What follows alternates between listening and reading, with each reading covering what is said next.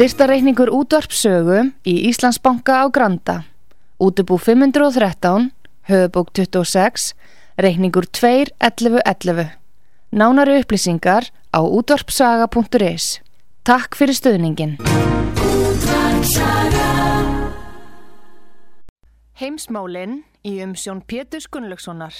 Fréttir og fréttatengt efni af Erlendum Vettvangi.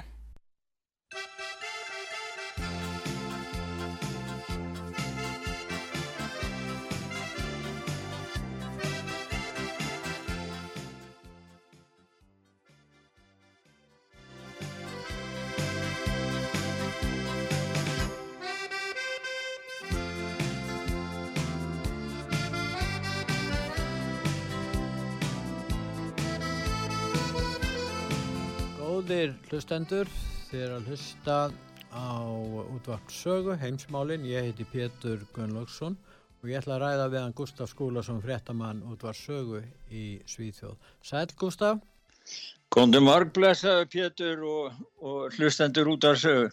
Nú við ætlum að byrja í bandaríkjónum og við endum þáttinn á að spila, að það verður spila lægið We Don't Need No Vaccination sem er svona Já, er það ekki lægið hjá, frá Pink Floyd, We Don't Need No Education, er það ekki?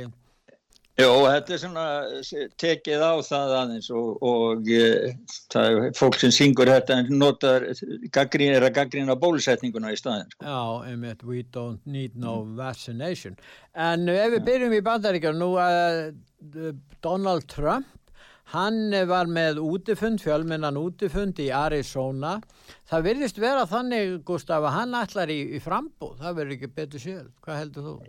Já, það, sko, það, það er, hann er nú ekki búin að segja það ákveðið ennþá og það eru verið að ræða að það geti verið að það komi aðrir. En hins vegar einhver annar, ég hugsa að hann býði með að taka þessu ákveðin þá til nær dregur því að því aðtöku hvernig málum er það þá. En hann er alveg á kafi hann hefur sko er sterkast í leitóin er vinsalasti yrði vinsalasti frambjóndin ef það erði fórsetakjör í dag innan republikanaflokksins því að hann er með sko största hlutaflokksins á baku sig Aðri sem koma næstu eftir honum eru bara með 10% meðlima í stöðningi fórsetaframbóð.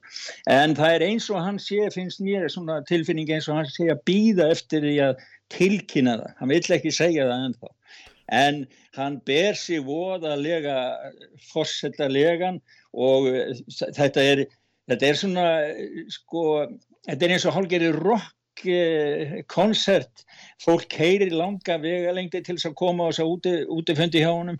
Og, og núna var hann bóðskapurum var Björgum Bandaríkanum og það eru gríðalega mikið af fólki sem koma að það sko að 20.000, 50-60.000 manns. En nú er búið að banna fjör, fjör, fals, ha, já, nú er búið að banna að leifbónum inn í, í fjölmiðla í Bandaríkanum ég tala ekki um inn á netmiðlarnir komið vekk fyrir það Þrátt fyrir þetta þá er þó þetta mikil stöðningur við hann eins og kom fram á þessum útifundi. Já, heldur betur sko og það er og hann fer sko hann, hann tætir í háði sundur og saman sko stjórnmálanstængin náttúrulega Joe Biden uh, tilur hún náttúrulega allt í fóráttinu fór yfir sko hann talaði nú hérna í meirinn klukkutíma sko einn og hálfan tíma held ég alltaf því og hann e, sko fóri gegnum öll málinn, hann tók verðbólguna fyrir, hann tók COVID fyrir, hann tók landamærin fyrir og svo það sem að er það sem að hefur er stæsti þyrnir í augum bandaríkjamanna e, þessi klúðuslega frá kvarf bandaríkjamanna frá Afganistan Já. og síðan ræður hann náttúrulega líka því það er ennþá máli gangi í sambandi við, við hérna, kostingóslitin, það er ennþá verið að rannsaka það í ymsum fylgjum og Arizona er eitt af því og hann, en það er merkilegt að sjá, heyra hann sko, ég horfða á þetta og það er merkilegt að sjá hann í lókin þegar hann er að þakka öllum starfsmörnum flokksins, republikanarflokksins, hann mann öfna á hverjum einasta einstakling sko og þetta eru týjir einstaklingar sem að lesa upp og þakka fyrir sko. Já. Þannig að það sko að bera hann saman við e, þann sem að núna sittur í kvítahúsinu, það, það er bara ekki hægt sko. En eigum að hlusta á hljóðbút uh, frá þessum fundi?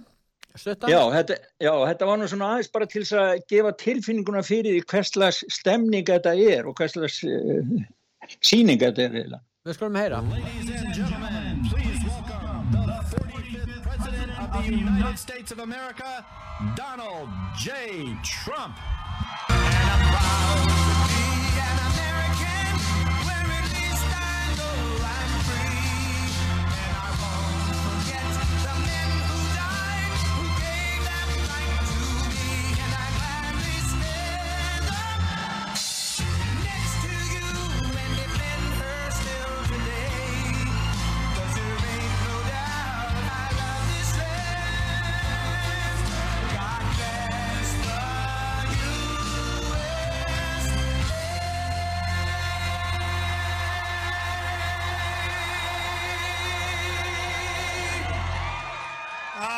a big crowd out there. I tell you what, the cars are stretched. They say 25 miles. Now, will the press report it today? The New York Times showed a picture of the seats being put down, and nobody was here because I think the picture was taken yesterday. The cars, they just said they've never seen anything like it. It's a great honor to be with you, and I love Arizona. We had a tremendous victory in Arizona that was taken away. I just want to wish everybody a happy new year and we're going to have, I think, a great year. Já, en hérna, ja. þú varst að minnast á Biden, nú eh, var hann fyrir miklu áfalli, hann Biden, þegar að hæstiréttur uh, hvað upp þann dóm að uh, fyrirtækin mega ekki, stórfyrirtækin mega ekki hérna, þvinga launamenn og starfsfólki til að láta bólusetja sig út af COVID-19. Þetta er já, það... mesta áfall sem hann hefur orðið fyrir í fósitatíðsynni sem hefur nú staðið yfir núna í eitt ár. Uh, uh, hérna, þetta þýðir það að stefna hans varðandi COVID um uh, svona herskári, herskári eða, eða svona þinguna leiðirnar sem hann ætlaði að fara ná ekki fram að ganga. Þessi leið átt að ná til, eh, þessi ákverðin hans átt að ná til 80 miljón bandaríkjamannar. Já, þetta er ekki engin smáræðis yngripp inn í daglegt líf fólks og það sem að hæstirættu segir er það að, að fórsetin hefur ekki völd til þess að, að fyrirskipa yngripandi aðgerðir af þessu tægi hjá fyrirtækjan og, og e, þetta gengur sem sagt gegn stjórnarskrá bandaríkjana að kvítahúsi takir sér slíkt, þetta er þá vald nýðsla á, á möndum að þýða það á íslensku En hugsaði er, Gustaf ef að þetta næði fram að ganga þá 80 miljón bandaríkjaman það þýtti að þriðjungur þeirra myndi vera reknir úr vinnu. Þannig að það myndi lama það vantar starfsfólk í bandaríkjum matунleysi er mjög lítið náttúrulega ekkert í morgum fylgjum. Þannig að ef að þetta fólk er í rekju úr vinnu það er verið að tala um 25 miljón launamenn. Ég meina að já, sko, já, þetta er eins og óskinsalett eins og högst að skemmt bört sér frá stefnunni varðandi frelsisskerðinguna þó við setjum það til hliðar bara efnahagslega áhrif af slíkri ákvöld og mér skilst að það sé þegar farið að bera á því því að sögum stórfyrirtæki eins og við um rætt út af þessu sögu hafa þegar framfylgt þessu og framfylgja þessu og önnur gerað ekki. En, en svo var það líka það að hinþátturinn í skipunans um að starfsmenn í helbreyðisstjættunum og sjúgrósum annað að, að að það er að þynga bólusetninga þar þá dæmdi hæstir réttu bandarækjana það eða mata þannig að þeir þau fyrirtæki sem hengjum greitt með úr sko fyrir sem sagt helbreyðs störf sín og sjúgrúsum hana Já. með peningum úr sjúkra tryggingakerfinu að, að það næði fram að ganga þar Já. en það næri ekki yfir allan helsugeiran sko. Nei, nei, nei. En uh, það er líka grein og hún er á vefsíðun okkar út var saga.is þar sem er fjallað um uppruna COVID-19. Nú er ferð að ræða þessi mál miklu á hérna, ítalegri hátt en gert var. Og ég sá að Morgunblæði var með uh, greinar gott uh, eða var með yfirliti við þetta sérstaklega í leiðara bæði í dag og svo núna í Sunnudalsblæðinu einmitt um uppruna COVID-19 og það er að koma fram bæði tölvupostar og umsett fleira og eins og kemur fram hér að, að þá er, er hérna, ákveðin hernaðskjöld sem að uh, voru ekki staðfest ofinbeglega af varnamálaræðundinu hafa verið staðfest núna? Já, þetta er sko það er þessi aðili sem að Fauci var í samstarfi við Eco Alliance hérna Pítur, mann ekki alveg hvað hann hittir eftir nafn, en Fauci sendi peninga til hans og hann var að vinna með þessu teimi í, í, í Kína. Og, og þeir sóttu um styrk hjá bandaríkja herr ætlum að fá upp á 20 miljóna dollara Já. og lýsa í 77 síðna umsóknar skjali nákvæmlega hvað þeir ætla að gera. Og sem betur fer þá hafnaði varnamálar á nýtti það er er stofa þar sem er, er sérum rannsóknir og fjármál og þeir neytu þessu á þeirri fórsendu að þetta væru allt og hættulega rannsóknir og líka miða við skýringuna í umsókninni að það væri hægt að nota þetta sem lífefna vokk og síðan er, hefur komið, hafa þessar umræðu tróast áfram vegna þess að það er liðsfóringi í, eh, sem sagt á eftirlaunum sem hefur og veit um gögg sem ekki búið að byrta ennþá og hann skrifaði grein sem ég byggi grein, grein á, í, á heimasíðinu þar sem þeir segja bara að bandaríski vísindamenn hafi unni með kýmversku vísindamennum að því að þróa lífafnavokk á rannsóknustofu alþjóðhersins í Wuhan. Þetta er samstagsverkefni kynverja og bandarískra vísindamann. Og, og sko það voru bæði bandaríkjaman og svo var þessi fræga leðblöka kona og hún kynverska sem var með í þessu teimi en þessi stofnun er í höndum alþýðu hersins altså sjálfs sjálf hernavalda og það er yfirlýst stefna kynverska kommunistaflokksins uh, í, í fimm eða sjö ár búið að vera að þeir taki og noti lífefna vopn í vopnabyrðir hersins. Þannig að sko það sem að það eftir að koma upp úr þessu það getur orðið svo ljótt en þetta sýnir það hverslas eh, sko hvað menn í bandaríkanum vissir aðalir bandaríkanum reyður búin til að hafa selt sig, selt bandaríkin allt sem bandaríkin standa fyrir. Já fyrir hvað verður maður að spurja, fyrir peninga náttúrulega að hluta til. Þetta er sko það, þetta er svo mikið dý, þessi tunna að, að hérna, það, við hefum eftir að fjalla miklu, miklu meira um þetta segi ég. Nú síðan er það uh, þetta að embætsmenn í Washington uh, hafðu sannanir fyrir því að og, og það lágu fyrir þarna rannsóknir um að yfirmektin væri áhrifaríkt liv gegn uh, COVID eða nota sem meðhöndlun við COVID-19. Nú hérna það var ínringjandi í morgun sem að taldi nú að það væri ekki heimildi fyrir þessu en það kemur fram með mitt á vefsíðun okkar greinum þetta þar sem að vísað er í, í þessar hvað, 73 rannsóknir sem hafa verið gerða meðal annars á yfirmæktin þannig að það er líka fyrir heilmikla rannsóknir á þessu. Já, já, og þetta er þetta er alls saman skjálfest sko, varðandi yfirmæktin það, sko, það er síða sem að tekur við fyrir það er alltaf að bætast við nýjar og nýjar rannsóknir sem komast að sömu nýðustöðu. Vanandi yfirmæktín þá voru það 73 rannsóknir, 671 vísindamanna á 56.774 sjúklingum í 24 löndum og varðandi hydroxyklorokín þá eru það 304 rannsóknir, 4833 vísindamanna á 416.119 sjúklingum í 50 löndum. Og niðurstöðunar úr þessu er að það er á milli 60-70% eh, bati bæði af yfirmektín og hydroxyklorikín. Í, í, í baráttunum við, við yfirmektín hefur aðeins vinningin 67% árangur, gaggot COVID-19 en hydroxyklorigín hefur 64% árangur. Og það eru öll gognum þetta, það eru, það eru hlekkir á gögn og það er einnig sko líka sagt frá því hér hvernig Fauci, hann verðist vera sko kongulóin í öllum vefnum þessum vef, hryllilega veiru vef í bandaríkunum og í heiminum því að, því að hann vissi um þetta og þeir meðvitað letu allar þessa þekkingu og upplýsingar til hlýðar þeir földu þetta fyrir almenningi.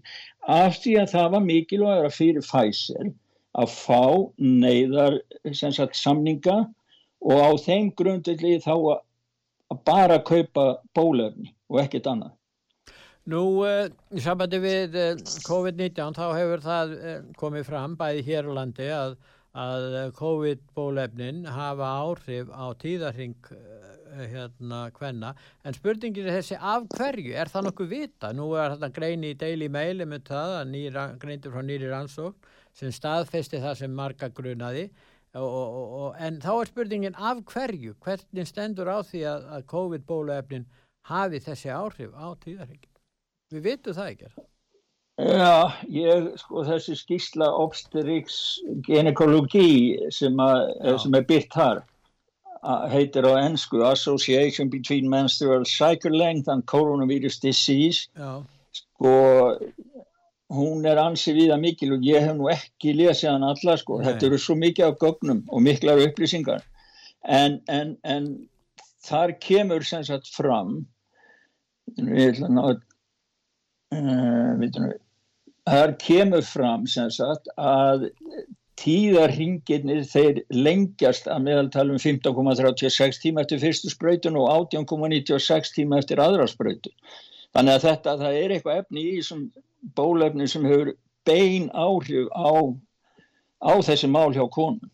En það er líka fleira, sko, nú er spurningin um áhrif þessara COVID-bólefna á til dæmis Omikron hvort að þetta virki gegn Omikron. Nú hefur Frankandastöri Pfizer sagt að, að tværspröytur sem var kölluð, þegar menn tóku tværspröytur þá var það að fullu og menn voru þá að fullu bólusettir en hann segir að það veiti takmarkaði alls enga vend gegn Omikron.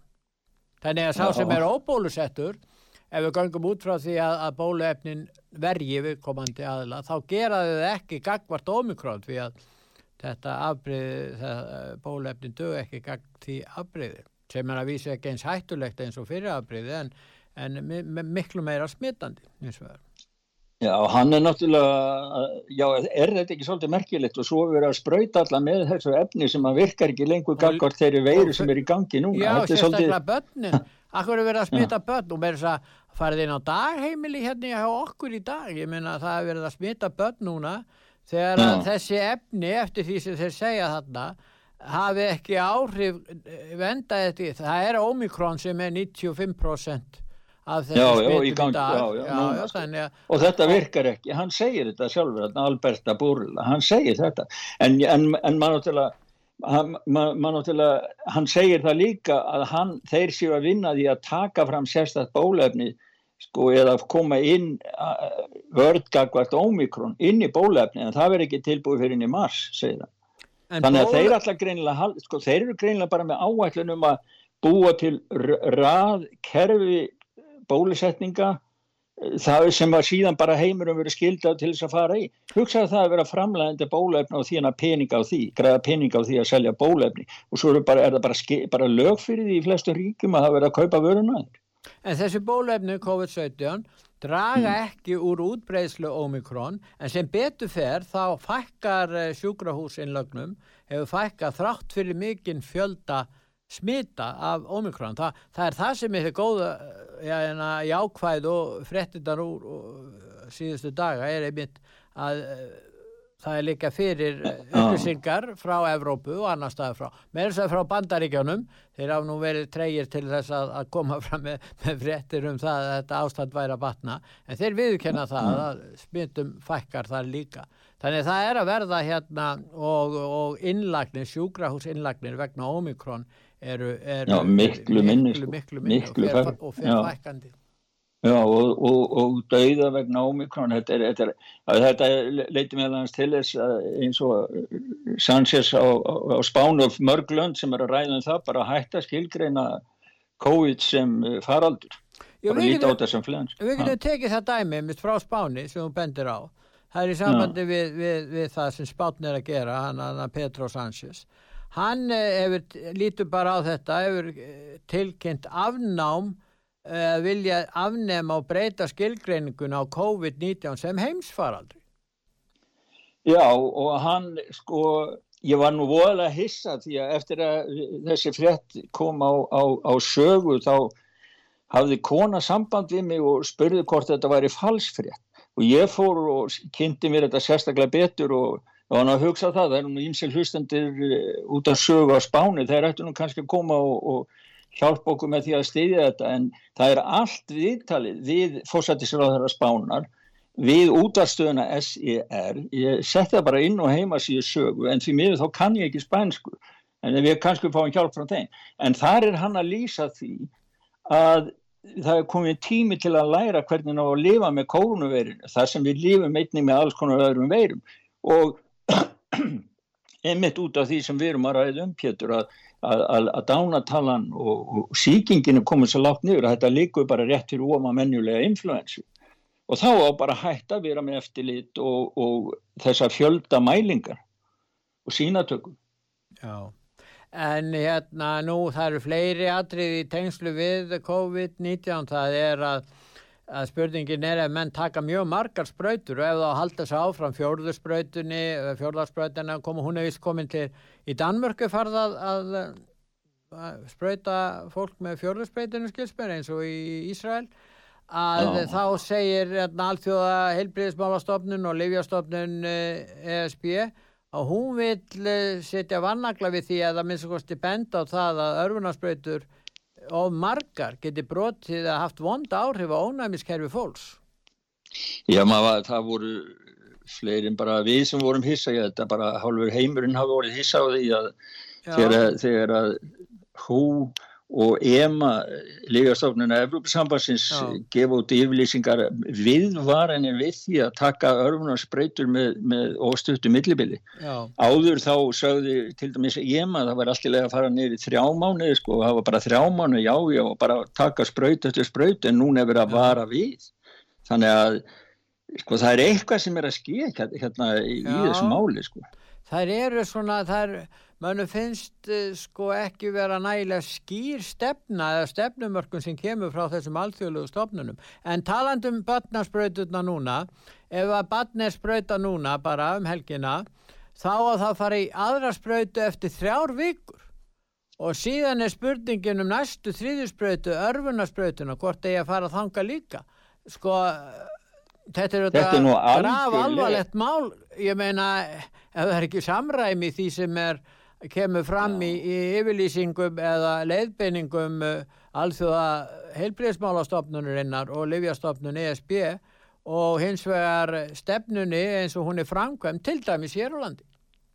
Já þeir segja það sko að það verða að líða minnst hálft ára á milli sko milli örfunarspröyta og, og, og fyrirspröyta. Ekki segja Ísraelsmenn, þeir voru konni með þetta í, í skemmri tíma og, og þeir voru ekki hvort að vera þrýra eða fjóru mánuður en, en ástandi þar er sannlega ekki gott. Nei og Ísrael? Nei, Nei og allir marg það var nú, við erum nú meina fréttum það líka sko Já, við erum tekið hana sko, bara núna. Já, já taka hana núna að hérna það var eh, professor sem áður að skrifa bref til helbriðis heilbriðis hérna ráðnautisins og heilbriðisráðurinn í Ísæl og var að segja að sé komið tími til að, að læra af þessum místökum og hann fer í gegnum sko hvaða místökuna hefur verið gerð lið fyrir lið. Og hann heitir, þessi maður hann heitir prófessor Ehud Kimrún og eh, hann er búin að vera gaggrína á lengi skilur en núna, núna sem sagt Hann, hann, bara, bara skefur ekki það hann hund skammar helbriðsýðuvöldu Ísæl fyrir það að hundsa ímsa staðrindi sem þeim hefur verið bent á í öllu þessu ferli. Og meðal annars að þeir neitu að samþykja svo kalla Barrington yfirlýsingu sem eru undir þetta á meirinn 60.000 vísenda og helbriðs starfsmönnum með, með, með sko, það, það er það sem að yfirvöld hafa gert stjórn, þetta hefur stjórnmánulega tekin ákvörðun um að leifa uh, Livjaríssonum stóru, Pfizer, Moderna og, og Johnson Johnson að, að vera, vera hérna með, sagt, söluna á sínu en síðan er bara lokað á vísindamenn og lækna sem er að gaggrínda sem takk ekki þátt í því að taka borga fyrir að, að vera að spröyta börn eða aðra sko.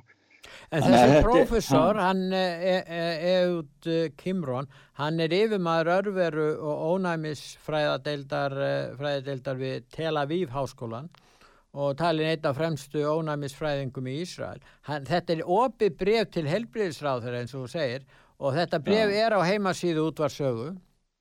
Já, þetta var, ég var byrjað á því þetta bref svo sá ég að það var annað miðl á Íslandi, fréttu.í sem hafi byrtað þannig að ég fekk að lána svolítið hjá þeim þannig að það var bara mjög gott sko en það er allir lægi að vera fleiri með, með frétti sem eru mikilvægur. Sko. Já, já. Mm. Nú uh, það er sko varðandi bandaríkjana lokum ef við förum yfir til Evrópu í meira mæli þá er aðtiklisvert að uh, það er hérna verið að fjallæga fjallæga tónlistamindband við getum kannski heyrt hljóðbút stuttan frá því hvers vegna verður að ja. þetta er Já, heyrt, heyrt þetta lag ja, heitir blood on, my, blood on my hands heitir þetta Já, blóð á höndum mínum já, já. já. Got blood on my hands.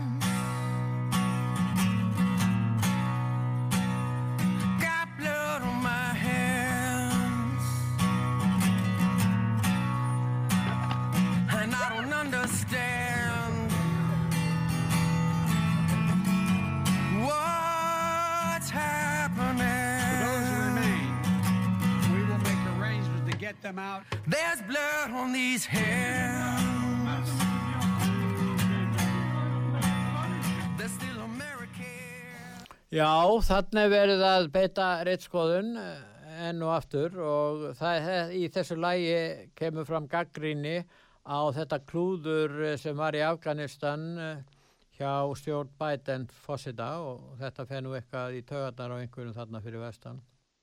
Já, þetta var sko bútur úr svona aðeins lengra og þetta var svona hann hafi sett saman myndbúta og, og búta úr ræðum Bidens og annara í sambandi við flutningin frá Afganistan, hann er að gaggrina það. En hins vegar þá var þetta listaverk sem hann gerði, hann framleitaði til þess að því hann er í fjáröfluna söpnun fyrir sveltandi Afgana, það er mikil hungusneiðar og, og líka til þess að hjálpa bandaríkjamönnum sem voru skildir eftir og eru í gíslingu, hálft ykkur í gíslingu í Afganistan og komast ekki út til þess að hjálpa þeim líka. En YouTube sá eftir þessu því að, því að kom síðan eftir, eftir, ég veit ekki hvað það var langu tími, en kom langu setna og sagði við hann, já, heyrðu fyrir, við gerðum mistök, við erum búin að leifa lægið þetta að vera, koma, vera aftur á YouTube. En þá var hann bara að fara nefur á Rumble, á keppinu, nýja keppinu. Já, já en hann skrifar um þetta að, og ég menna þessi maður hann er, hann er þekktur í bandaríkanum þessi maður því að hann hefur verið tilnæmdu til Grammy-verðulegna En uh, ástandi til dæmis í Evrópu er að verða svo ískikilegt að þjóðverjarnir eru farnir að kalla þá sem að uh, eru óbólusettir, þeir eru farnir að kalla þá óvinni ríkisins. Sko ég hef sagt það Pétur, ég sko ákveður þurfa þjóðverjar alltaf að vera svona, eh, sko þeir kunna þetta síðan gamla daga, ef þeir dvista ríkið á gamlum ljótum bókum, þá geta þeir náðið þetta, en það er til sambandskrifstofar sem er til verndar stjórnaskrárinnar í, í Þískaland sem heitir Verfassungsschutz og e, eh, fórstjórið þessara skrifstofa hann setur fram á kenningu að þeir sem gaggrína bóluefni og eru á móti þingandi bólusetningum og lókuna aðgerum yfirvalda, þeir séu í raun og veru óvinni ríkisins og e, þráttur er það að við komum nút engin vokn nema bara málfrelsið að, að, að vilja ræða málinn og er ekki sammála þeim sem eru í stjórnvöldin og e, sko þetta setur hann fram í viðtal við Frankfurter Allgemeine Zeitung Já. og dagblæði og eh, sko hann segir, hann útskýrir þetta á þeim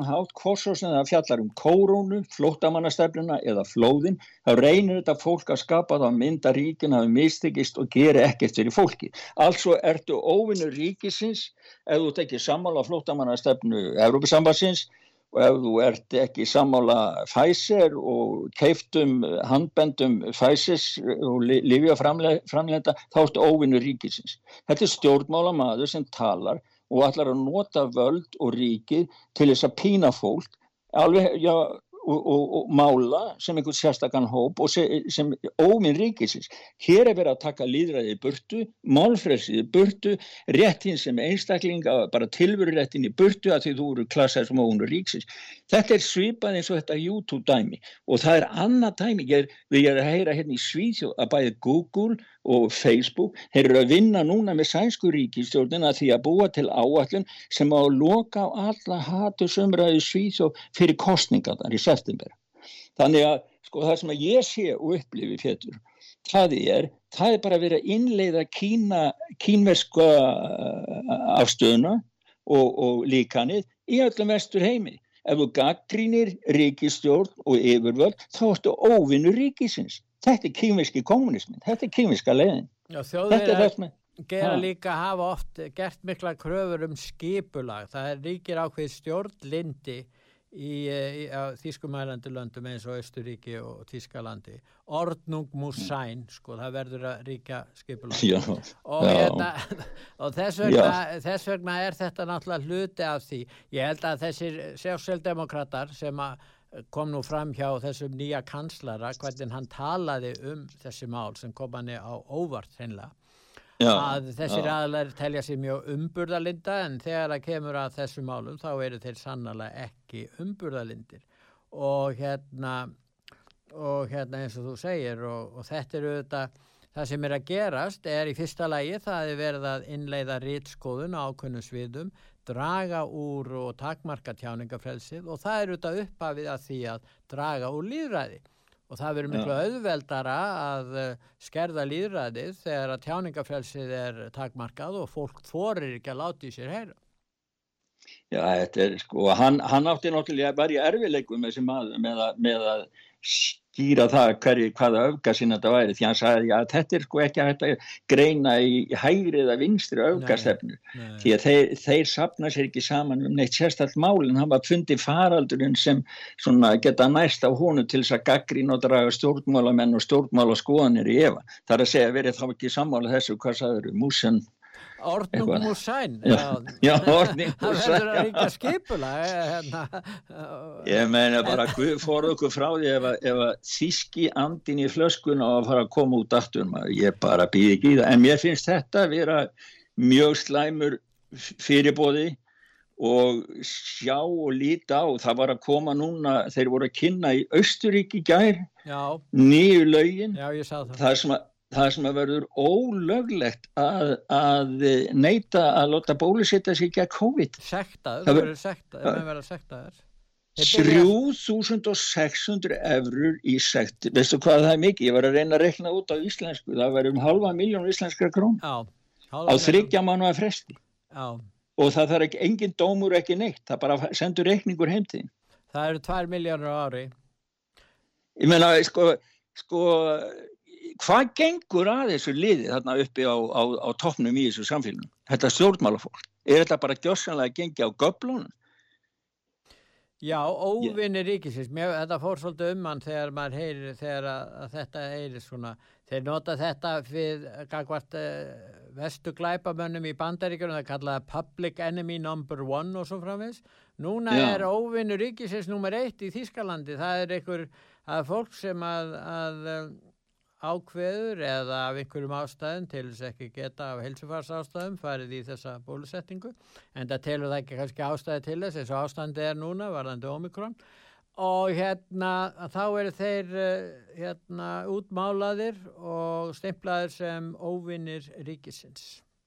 Já, þetta er, þetta, er, sko, þetta er ótrúlegt miða við sögu Þískalans, miða við það sem á undan er gengið, heimstýraldir og allt sem að þekking er fyrir Já, en, í dag. En, það var eins og hann Guðbjörn sem var bjónu í Þískalandi og giftur þar Já. og, og, búsengvari, hann þekkir vel í Evropu og hann er að segja að það er ekki nema í raun og veru 30 ár frá því að Östur-Þískaland fjall og þá var ríkjandi allraðisfyrirkomulagi í, í hérna Östur-Þískalandi og þar var reitskoðun og orðnug músæn og það var í raun og veru þetta er í raun og veru svo stutt síðan að Já. Eh, þessi viðþór voru ríkjandi með skoðst í hluta þriðjung, í hluta í Östur-Þískalandi sérstaklega og svo ef við mm. förum enn aftar til 45 og þeirra dagar sem voru undan það er náttúrulega er þetta, þetta, þetta þessi aðdáun og þörf á skipulægi og menn umbera stjórnlindi og uh, bera viðingu fyrir því,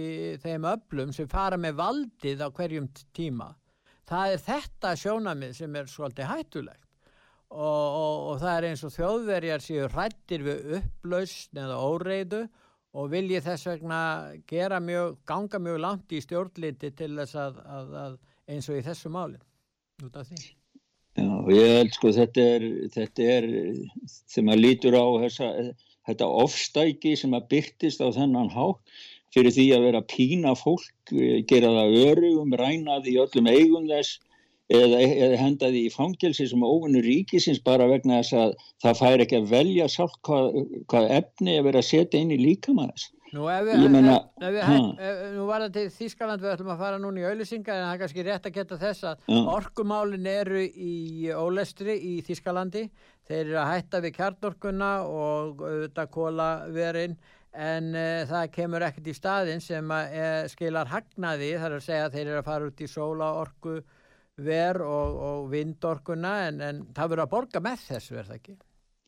Jú, það, var, það er greinum þetta, það var, er sérfræðingur eh, sem, a, sem a, var í viðtali og Staffan, Ref, Staffan Refemann heitir já, hann já. og hann er sérfræðingur í orkumálum og hann var í viðtali og er að lýsa því, hann spáir því að það Þískaland standi frammi fyrir vestu ínakreppi síðan í setni heimstyröldinni því að hann segir það að þeirra búið að slökka á kjarnorkunu sem er trygg og stöðu ráorkuframleysla ja. og á að bæta síðan leysa það með svo kallir grætni orku, vindorku, sólarorku að menn átti sig ekki á því að afkasta geta vindorkunar og sólarorkunar er allt önnur og miklu lægri heldur en, á, heldur en talaða afkasta getan sem að og, og, og settur upp að það eigi að geta framleitt.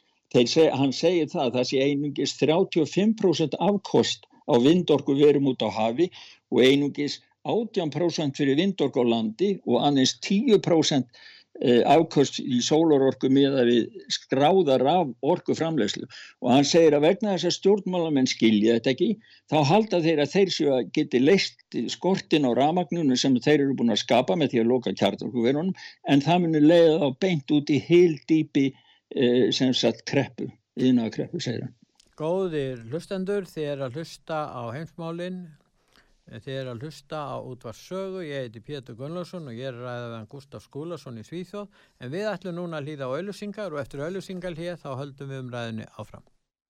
Heimsmálinn í umsjón Pétur Gunnlaugssonar, fréttir og fréttatengt efni af Erlendum Vettvangi.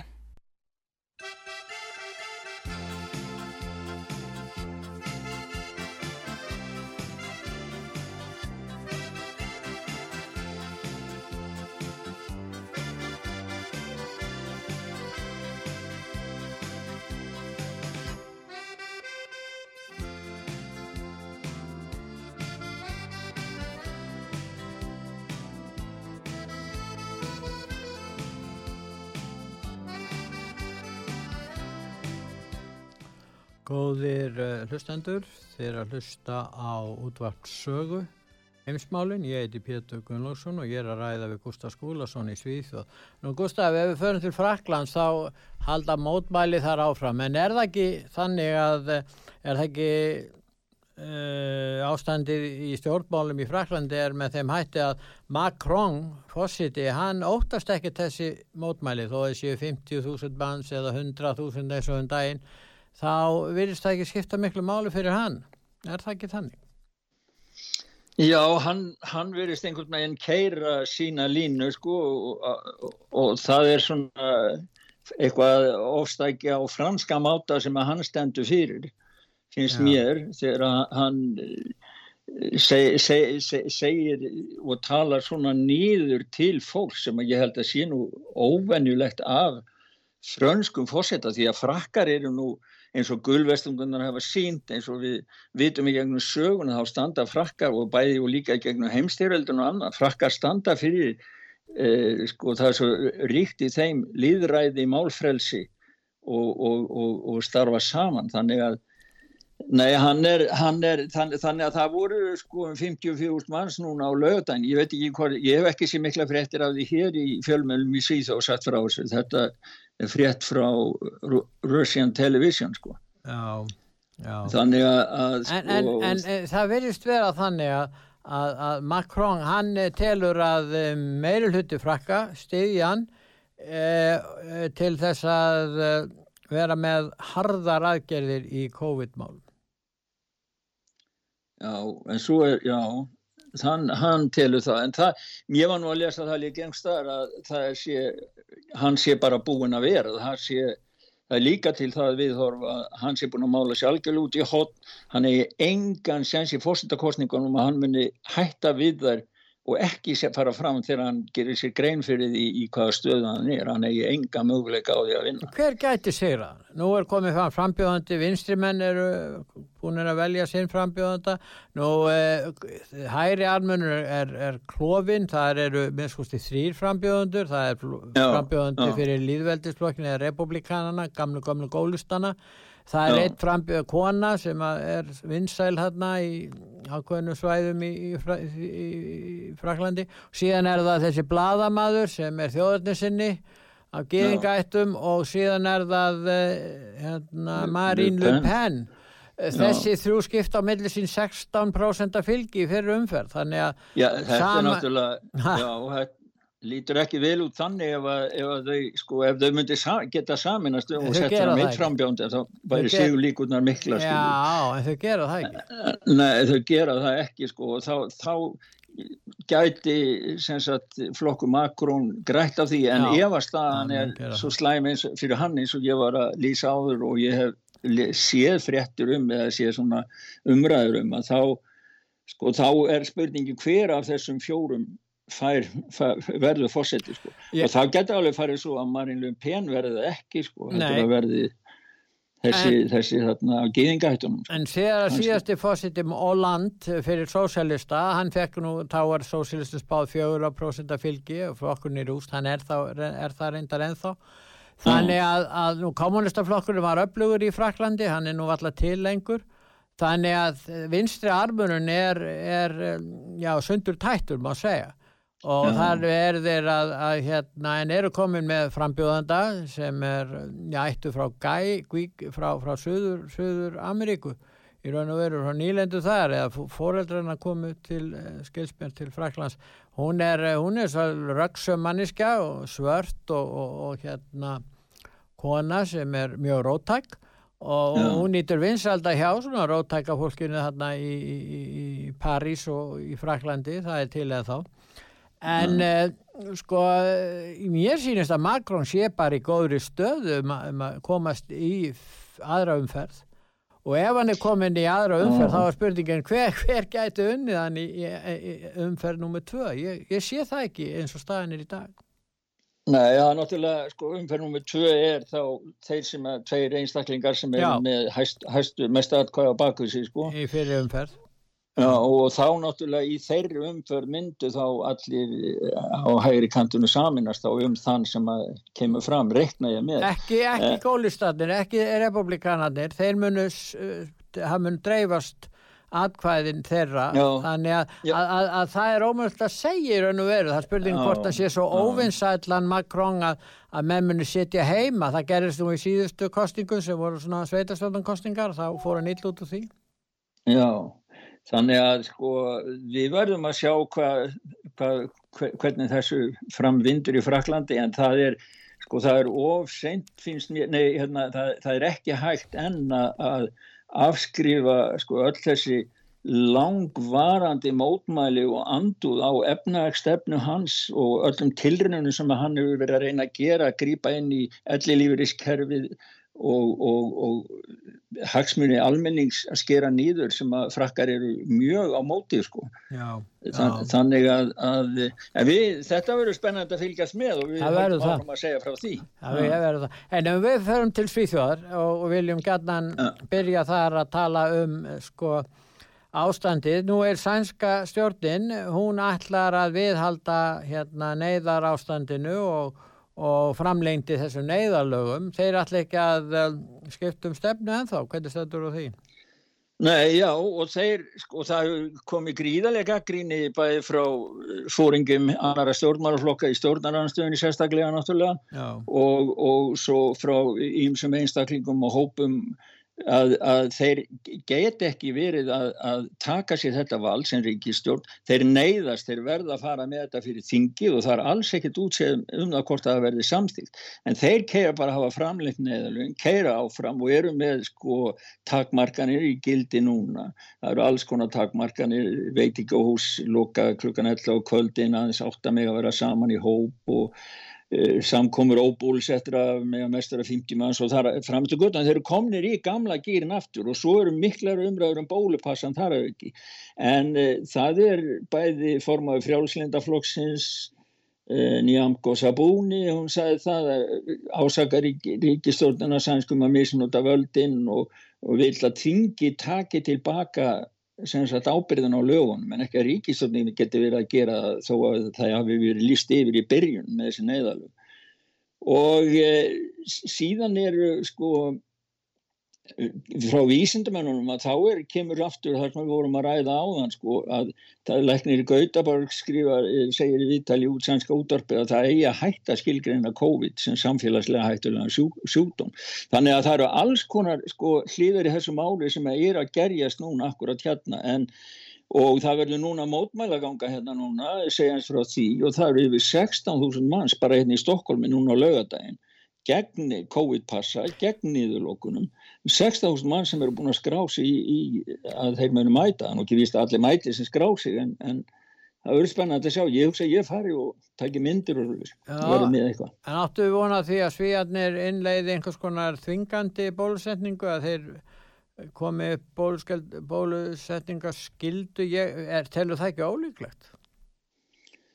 Já, sko, miða við þessa stefni sem þeir eru búin að taka núna hjá ríkistjórninni og miða það sem að heyra í, í öðru málum eins og þetta sem ég var að segja frá sko með Google að, að, að afnema málfrelsi, sko, þá, þá, þá get ég sjálfur sér bara búist við hverju sem er því að það búið að taka Anders Tegnell og hálfpartin ídónum út á hliðalínuna Já, og hann var með svona opna stefni byrjun sem að fekk nú gríðarlega gaggríni, ekki bara innan landsendur líka út um allan heim. En núna ætti nú, hún þegar Omikron kemur, þá ætti stefna einmitt hans að, að, vera skynnsamleg með það við þástöðu. Já, akkurat. En þá er komin einhver nýr framkvæmdastjóri eða, kom, eða búið að skipta um framkvæmdastjóra í líðhelsunni hérna og hún er bara að taka upp það sama og maður sé nýri í Þískaland og hjá öðrum sko. Þannig að ég veit ekki hverju og það, er, það var eins og einhver sæð og það talaði um það hér mikið og það er sagt í bandaringum líka hvernig gæt helförinn fyrir bara eins og helförinn orðið á raunveruleika. Jú þá er vegna þess að fólk satt heim og gerði ekki neitt. Þannig að það er sko gríðalegur hiti í fólki bæði hér og í fleiri löndum í Evrópu og ég er alveg örugur á því að við hefum eftir að sjá mikla róstir í Östuríki að þetta á eftir að þróast upp í eitthvað alvarlegt mál með því að vera með svona uh, ofstæki eins og stjórnvöld og stjórnmálamenn sína kakvart bæði sjúkdónum, vísindamönnum og venjulegu fólki. Sko. Nú skiptir miklu máli, hérna, Gustaf, að komi réttar tölur um innlækningar á sjúkrahús vegna að þetta er svo viðmiðum sem skiptir mestu máli, ekki smittölunar, heldur innlækning á sjúkrahús. Því að, að, að hérna, og þá er spurningin, eru þeir sem eru skráðir COVID-sjúklingar, til dæmis í Svíþjóð, vegna innlagnar vegna COVID-19, eru þeir hérna þar vegna COVID eða vegna annar ástæðanar? Ástandi hérna þannig, ég skal segja þér að, að það eru mörg sveitafjölu í Svíþjóð og, og lén stjórnir, farnir að senda líðhelsinu upplýsingar um, um sjúklingar sem eru með COVID eru í margir af allt örum ástæðum inni á sjúkrósunum heldurinn á COVID. Og dagins nýhetti var með heilmikla frétt og greinum þetta hérna og til dæmis á sjúgrósinu Uppsala þá er bara einn þriðjungur af inn, innlöfum sem er sagt að hafi COVID raunverulega COVID-sjúklingar því að tveir þriðju eru lagðir inn af öðrum ástæðan Já, gætu verið lagðir inn út af bólusetningu þeirra kannski fengið bóluefnið og fengið aukaverkanir út af því. Það, Já, það, það, gæti verið einn ástæðan en, en en svo ég menna fólk dettur, það vetur og svo já, er bara, já. Eh, hafa aðri súkdómar ekkert hægt þó að COVID í gangi. Nei, nei, nei Krabbamenn og, og uppskurður og annan Já, nú er það hérna fréttin um skúringakonun og fósittisráðra Þetta er hansi skemmtileg frétt. Ég, við töluðum um, um, um þetta um daginn að hún, Magdalena Andersson hún er með hérna ólöglegan innflytjanda í vinnu hjá sér og borgarinn er genið sem sagt kærasamningi sannur sósialisti þarna í Svíþjóðar þengi, ég veit ekki. Jú, jú. En, en hérna en, en hérna það var þegar laurglan komst að því að, að, að, því að hún kunni ekki á, á hérna inbrótsvarnankerfið auðmingja konan sem var að þrýfa þarna. En nú er komið í ljósa, hún er frá Nicaragua þessi ágæta kona, þessi ólöglegin flytendi og hún er eftirlýst þannig Já. að hún gætt falið sig á heimili magdalenu í því þref. Eftirlýst manniska, þetta er svolítið merkilegt. Hvað finnst þér um þetta? Og akkur er ekki sagt meira, akkur er ekki dregin til ábyrða þessi magdalena fyrir að brjóta lög, hún er að því. Já, það, það sko það er bara svona að þessi lög sem að pöpullin við hérna venjulegi döðleir eigum okkur er sagt að fara eftir það ja. bara þau gilda bara það er viljist aðri sem er hvað hvað er í maður móti pöpullin sem eru svo hátt settir hérna fyrir óan skíina ja. lögin náir bara ekki upp til sko. Og hún, hún sem er sko hún stendur hér Magdalena Andersson og hund skammar sænsk fyrirtæki já þið eru nú að notfæra ykkur e, bátt ástand innflytinda og, og, og kannski látið á vinna ekki samkvæmt kjara, sænsku kjarasamningum og því sem var verkefælisfjölinn hafa komist að samkómulægjum og svo gerur hún þetta svona sjálf og ekki nóg með það, heldur var þessi kona hjá henni, hún var eftirlýst hún var á skrá sem eftirlýstur ólöflur innflytjandi hjá lauruglinu og hún hafi líka verið það var einhver önnum áli gangi með hana sambandi við, hún hafi stólið í búðum eða eitthvað svona. Þannig að sko Nei, þetta en veistu það, það, það jú, þannig kemur skýringin, einn skýringin á því hvers vegna innflytjenda ströymurinn er til Vesturlanda. Því að stjórnmálastjættin þarf að þjónustu fólki að halda, helst að borga því ekkert fyrir og það er um það sem er að gerast aftur og aftur. Já, já, já, já sjálfsögðu. Þetta er bara, sko, í, sko, fyrsta lagi segir, segja stjórnmálmennir, við erum fullir upp af mannúð og mannkærleika. Þetta fólk á bátt, við skulum taka við þeim og því skattgreðindu skulle borga fyrir það og með brosa vör. Þeir sem bara móti því eru bara, já, fólk sem er fullt upp af hatri og svo framins. Við þekkjum þessu umræðu. Síðan þegar þetta komir í landinu og þá þarf að fá vinnu, það fær kannski enga vinnu eða hvernig sé það er, þá býður þeirra bara starfið þrif eða verið einhverjum kjallara hjá einhverju yfirstjættarliði í stjórnmálunum eða vinnu þeirra og þar geta er þjónaðum og allan hátt, skilur, ég segi ekki meira og, og þetta er einmitt það sem er. Við mögum ekki gleyma því í Bretland á sínu tíma þegar landeigundur voru öflugir, gamla aristokratið þá voru geysilar eitt stærsti hópurinn sem var að vinna, var að vinna á þessum landsetrum að þjóna þessu fólki.